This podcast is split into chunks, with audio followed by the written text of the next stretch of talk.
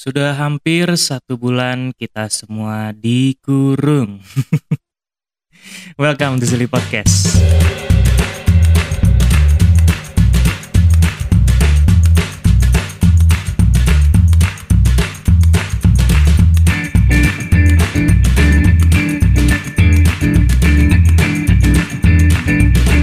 Yap. Hmm, tidak terasa ya ternyata teman-teman sudah satu bulan ini kita menjalani eh, social distancing, physical distancing gitu kan ya. Bahkan sekarang di eh, Jakarta eh, di Jabodetabek lebih tepatnya gitu ya. eh, statusnya udah naik jadi PSBB gitu kan. Eh, pembatasan sosial berskala besar gitu kan. Di Bandung sih belum ada berita mau ke arah sana ya tapi eh, emang beberapa tempat udah mulai tutup sih. Eh, tempat hiburan udah banyak yang tutup gitu kan. Terus mall-mall juga udah banyak yang tutup di Bandung tempat usaha juga banyak yang tutup. Tutupnya bukan berarti bangkrut ya maksudnya. Ya tutup tutup. Nggak beroperasi dulu lah gitu kayaknya menghindari kontak sama banyak orang atau gimana gue ngerti. Ya tapi di Bandung udah mulai kayak gitu. Tapi eh, di Bandung sih aktivitasnya masih lumayan apa ya masih lumayan rame gitu. Masih lumayan ada apa ya istilahnya ada kehidupan. Ya walaupun di Jakarta juga sama sih eh, ada kehidupan juga maksudnya. Masih ada yang cari nafkah juga masih ada yang ngeojol juga gitu kan. Tapi eh, kayaknya mulai PSBB sekarang tuh kalau nggak salah kan 15 April ya mulai diberlakukannya tuh. Which is kalau 15 April tuh kan which is? Udah kayak anak jaksel tuh. Eh bukan 15 April ding eh iya 15 April. 15 April tuh berarti besok. Eh gue sekarang rekaman hari Selasa. Iya besok berarti Rabu. Iya nggak tahu ini diuploadnya kapan tapi jelas tanggal 15 lah ya kalau nggak salah gitu kan itu udah mulai diberlakukan. Sampai sekarang tuh udah apa yang udah ada sosialisasi gitu ya, si polisi-polisinya dateng gitu kan. Terus eh, kasih himbauan ke warga kasih himbauan ke orang yang mau masuk ke Jakarta dan Jabodetabek juga gitu kan. Ya keren sih. Walaupun telat cuma ya udahlah daripada enggak gitu kan. Bentar ya nyalain gue sebenarnya udah jarang ngerokok nih. Baterai vape gue lagi habis aja jadi pengen ngerokok. Anyway. Eh hari ini aduh sorry. Hari ini kita mau bahas apa ya? I sesuai judulnya aja sih mumpung mumpung besok libur. Ini kan gue upload hari eh upload rekaman hari Selasa tadi kan gue udah bilang. Eh, kayaknya gue upload hari Rabunya gitu. Nah, hari Rabu gue kebetulan libur nggak nggak ada ini kan nggak ada kelas jarak jauh nggak ada kelas daring gitu kan. Jadi ya udahlah bikin podcast sudah lama juga nggak bikin kangen eh kayaknya gue mau ceritain ini aja kali ya. Setelah sebulan ini apa yang gue rasain gitu apa yang terjadi dengan diri gue selama karantina ini gitu kan Eh, apa aja yang udah mulai berubah dari diri gue dan mungkin di beberapa eh di beberapa beberapa dari kalian juga ada yang ngerasain ini gitu. Karena eh, I think we are in the same place in the same situation in the same eh apa ya keadaan yang sangat membosankan ini. Walaupun ada WFH ada SFH gitu kan tapi ya tetap aja gitu. Yang namanya manusia mah harus ketemu tatap muka coy. Kecuali kalau emang lu hidupnya di daring doang gitu kan lu hidupnya di dunia maya doang ya nggak masalah sih itu pilihan hidup lo. Tapi se apa ya se gue anaknya anak rumahan. Anak rumahan banget. Terus eh seanak rumahannya gua tuh tetap aja bosen gitu. Yang sampai sebulan di rumah terus gitu eh walaupun keadaan ini nggak aneh buat gua gitu. Eh, maksudnya gini. Waktu gua begitu lulus tuh kan gua nggak langsung dapat kerja ya alhamdulillah. Gua sempet jadi eh, beban negara dulu gitu. Lumayan lama sih itu satu tahun gitu ya. Iya satu satu tahun ya kalau setahun gue nganggur. Eh uh, ya gue mencoba jadi freelancer tapi nggak kesampaian jadi freelancernya gitu kan. Jadi ya gitu kebanyakan di rumah gitu kan. Itu aja gue udah bosannya setengah mati gitu. Gue masih nyuri-nyuri waktu buat nongkrong juga sama teman-teman gitu kan. Ya kebetulan teman-teman gue juga ada yang belum lulus waktu itu seangkatan terus uh, ternyata gue juga masih bisa aktif di beberapa kegiatan kampus juga gitu masih sering dimintain tolong. Jadi ya kalau di rumah terus juga ya bosan waktu itu. Untungnya ada kegiatan di luar itu kan. Nah sekarang ini situasinya kan beda gitu. Yang kita benar-benar di rumah gitu hmm, walaupun kerja juga ya gitu kan kerja. Kalau kerja di rumah ya kebayang lah. E, kerjanya sambil ngapain itu kan bisa aja kerja sambil nonton drakor gitu. Ada yang kerja sambil tidur-tiduran sambil main game atau ngapain gitu kan ya. Yang penting kerjanya beres kan gitu loh. Nah ya uh, jadi kalau ada kesempatan keluar sedikit tuh uh, tidak disia-siakan gitu. Walaupun konteksnya tetap kerja juga atau misalkan keluar rumah tuh karena benar-benar urgent banget nggak bisa di uh, urus dari rumah gitu kan nggak bisa diurus lewat online. Jadi ya kita harus ke tempatnya langsung. Iya mau nggak mau gitu kan keluar. Tapi perasaannya jadi seneng aja gitu. Kayak kalau kata uh, peribahasa tuh kayak anak ayam yang dilepas gitu. Jadi seneng aja nggak tahu kenapa. Jadi aduh sorry. Jadi selama hmm, satu bulan terakhir itu gue baru keluar rumah itu sekitar dua kali kalau nggak salah. Yang pertama ngurus ATM karena keblokir gara-gara gue lupa password tiga kali. Yang kedua uh, eh, gue survei tempat buat acara sekolah gue yang dipospon kan yang dipending dan gue nyari backup gedung yang istilahnya bisa tanggalnya cocok lah gitu karena proses uh, latihan untuk si acara ini juga si anak-anak kan nggak bisa jalan ya karena kan sekolah dari rumah gitu. Dan kita nggak mau spoiler ke orang tua tentang kegiatan ini jadi off aja gitu latihan. Anak-anak nggak latihan aja tapi mereka tetap belajar dari rumah gitu kan. Itu cuma dua kali. Pure cuma dua kali. Ngurus ATM sama survei gedung dong udah. Tapi senangnya minta ampun gitu kayak tadi aja kayak ketemu sama teman-teman kerja gitu kan. Ya walaupun lebih tua dari gue tapi uh, obrolannya nyambung asik gitu kan. Ya senang aja jadi uh, bisa berkomunikasi uh, dengan tatap muka tuh feelnya gimana gitu beda gitu kan.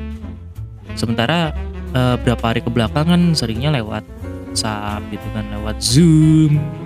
Sosokan pakai Zoom tapi sinyalnya jelek gitu kan. Kekick mulu gue dari conference. Kayak black dan gue udah mulai ngerasain yang kayak aduh nih kapan kapan beresnya sih kapan selesainya sih gitu. Sampai kesel gitu di rumah juga udah yang goler-goleran main HP duduk goler lagi duduk goler lagi jalan bentar duduk goler lagi gitu doang nggak gawean gue di rumah. Tapi ya mau gimana lagi ya daripada ngambil resiko kan gue juga kalau saya nggak terpaksa banget sih sebenarnya nggak mau keluar males gitu. Kita nggak tahu apa yang bakal terjadi ketika kita keluar gitu kan. Makanya gue lebih memilih memutuskan untuk adalah kalau nggak penting-penting banget mending di rumah gitu. Ya mungkin lain ceritanya sama teman-teman yang kepaksa harus tetap kerja di tempat kerjanya gitu kan. Uh, atau cari nafkah di uh, jalan uh, maksudnya kayak misalkan ada ojol gitu kan yang tetap harus cari penumpang. Uh, walaupun di situasi yang kayak gini gitu. Tadi aja waktu gua survei gedung tuh kan gua uh, bertiga ya sama teman kerja gua uh, ibu-ibu dua orang. Ibu-ibu. Ibu-ibu guys ibu-ibu ibu-ibu jadi eh gue memutuskan uh, udahlah kita pakai ini aja ya pakai taksi online aja gitu biar PW kan daripada naik motor takutnya uh, ketinggalan nyasar gimana gitu kan. Nah, tempatnya lumayan jauh gitu. Dan uh, di antara kami bertiga tidak ada yang tahu tempat pastinya di mana. Jadi eh, ya udahlah gue mikir lebih baik kita pakai taksi online aja gitu kan.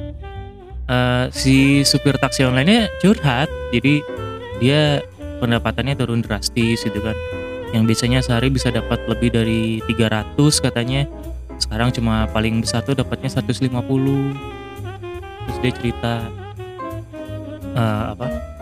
Ya udah pasrah aja katanya udah pasang badan aja. Eh, kalau misalkan mobil mau ditarik leasing juga ya udahlah gitu kan mau gimana lagi gitu. Gue denger itu seketika wah bet- betapa beruntungnya gue gitu yang eh apa ya? Mungkin cuma ngajar doang gitu yang cuma ngasih tahu arahan ke anak-anak kegiatan kita hari ini mau ngapain dari WhatsApp gitu kan. Tapi kadang suka ini juga sih eh bete juga gitu ngejar tuh eh, kalau lewat online tuh. Karena kita nggak bisa ngerasain feel ngajarnya menurut gua. Kan ngajar tuh talk aktifnya gitu kan tanya jawabnya terus kita bisa mantau proses si anak belajarnya kayak gimana apalagi gua guru seni kan eh, yang yang namanya proses tuh eh, ini banget lah gitu penting banget gitu. Se- sementara kalau dari rumah gini kan jadinya nggak ke ini nggak kepantau sebenarnya. Gue jadi merasa beruntung aja gitu tadi ketemu sama si bapak eh, taksi online itu. Terima kasih loh bapak sudah menyadarkan diriku dan jadi apa ya? Keadaan pandemi ini tuh jadi bikin banyak pekerjaan orang juga jadi makin susah sebenarnya. Kayak gue aja sekarang kan gara-gara pandemi ini acara yang gua pegang yang gua ketuai gitu yang gua kepalai itu postpone kan. Dan nggak tahu kapan bisa terlaksana lagi nya tuh tanggal berapa gitu. Karena kan nggak ada kepastian kapan ini eh, pandemi mau pulang lagi ke asalnya gitu kan ya jadi serba salah sih dan eh jadi bikin keadaan kita tuh stres sendiri gitu loh kalau di psikologi itu ada yang namanya keadaan stres kan. Keadaan stres itu eh, dipicu oleh tiga eh, apa ya? Keadaan stres dipicu oleh tiga keadaan. Bahasa gue gimana ya? Jadi stres itu bisa muncul karena tiga eh, sebab. Nah, sebab yang pertama tuh tension. Tension tuh tegangan. Jadi ketegangan. Jadi misalkan ketika kita lagi eh, mau ujian, mau lomba, mau melamar kerjaan maksudnya ya melamar calon pasangan hidup kayak gitu-gitu kan itu punya ketegangannya sendiri ya eh kayak misalkan takut ini takut itu gitu kan. Nah itu bisa memunculkan stres juga kalau misalkan si ketegangannya nggak segera diredakan gitu kan. Terus ada juga eh, sebab yang ada juga stres yang disebabkan. Ya Allah bahasa gue ada juga stres stres yang disebab stres. Ya Allah Isa kenapa kamu ini udah udah lama nggak ngomong depan umum tuh jadi gini nih belepotan ada juga keadaan stres yang disebabkan oleh pressure atau eh, tekanan jadi ketika kita misalkan dapat pressure di pekerjaan gitu kan beban kerjanya terlalu tinggi terlalu berat terus keadaannya atau situasinya tidak mendukung, nah itu bisa bikin kita stres juga kan. Terus yang terakhir adalah frustasi. Frustrasi itu adalah keadaan di mana eh, apa yang kita harapkan tidak sesuai dengan apa yang kita dapatkan gitu kan. Apa yang kita ekspektasikan tidak sesuai dengan realita lah gitu bahasa gampangnya gitu kan. Nah, gua rasa ya beberapa keadaan itu udah mulai muncul gitu kan kayak misalkan eh kita berekspektasi bahwa kita pengen liburan misalkan pengen melakukan sesuatu pengen nongkrong sama teman-teman tapi nggak bisa ketahan gara-gara si pandemi ini ya bisa jadi stres gitu kan buat orang yang menganggap bahwa hal itu penting gitu terus eh ya kayak gua gitu kan. Gua mengharapkan si acara ini tuh sebenarnya eh, berjalan sesuai sama jadwalnya gitu. Sesuai dengan tempat yang udah gua sepakati sama tim gua tapi ternyata ada pandemi ini gitu kan. Iya stres bos. Gue mikirinnya gitu. Gue harus cari gedung cari tanggal lagi eh, sesuai atau enggak tanggalnya sama si kalender akademik dan lain sebagainya gitu kan. Itu selain jadi eh, stres karena frustasi juga jadi punya pressure tersendiri gitu punya punya tekanan tersendiri buat gue pribadi gitu. Dan mungkin buat beberapa teman-teman juga ada yang jadi pekerjaannya jadi lebih susah gara-gara eh, kita harus eh, work from home gitu kan. Nah kalau kemarin tuh sempet ada uh, followers gue yang minta ngebahas tentang uh, mental illness. Mungkin ini pengantar aja kali ya pengantar dari materi materi cuy udah kayak dosen aja gue uh, apa ya bahasan gue uh, ini tuh pengantar dari bahasan gue yang nanti bakal ngebahas tentang mental illness gitu ya. Uh, ya karena menurut gue cocok aja gitu. Sekarang keadaannya lagi kayak gini nih situasinya.